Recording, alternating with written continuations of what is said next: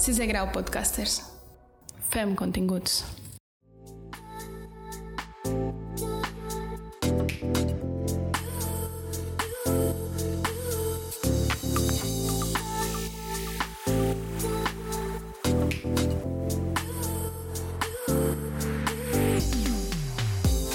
El concepte de bellesa es coneix col·loquialment com la qualitat que algú posseix i que causa en els altres un plaer al percebre-la.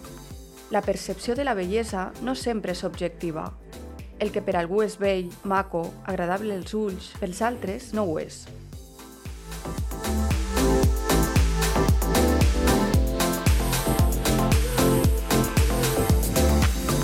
Com entenem la bellesa actualment?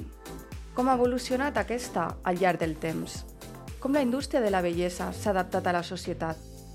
A aquestes i altres preguntes intentarem donar-li resposta de la mà de professionals dins el món de la bellesa. Em dic Mari Pellegrina i això és amb B de Bellesa. Música.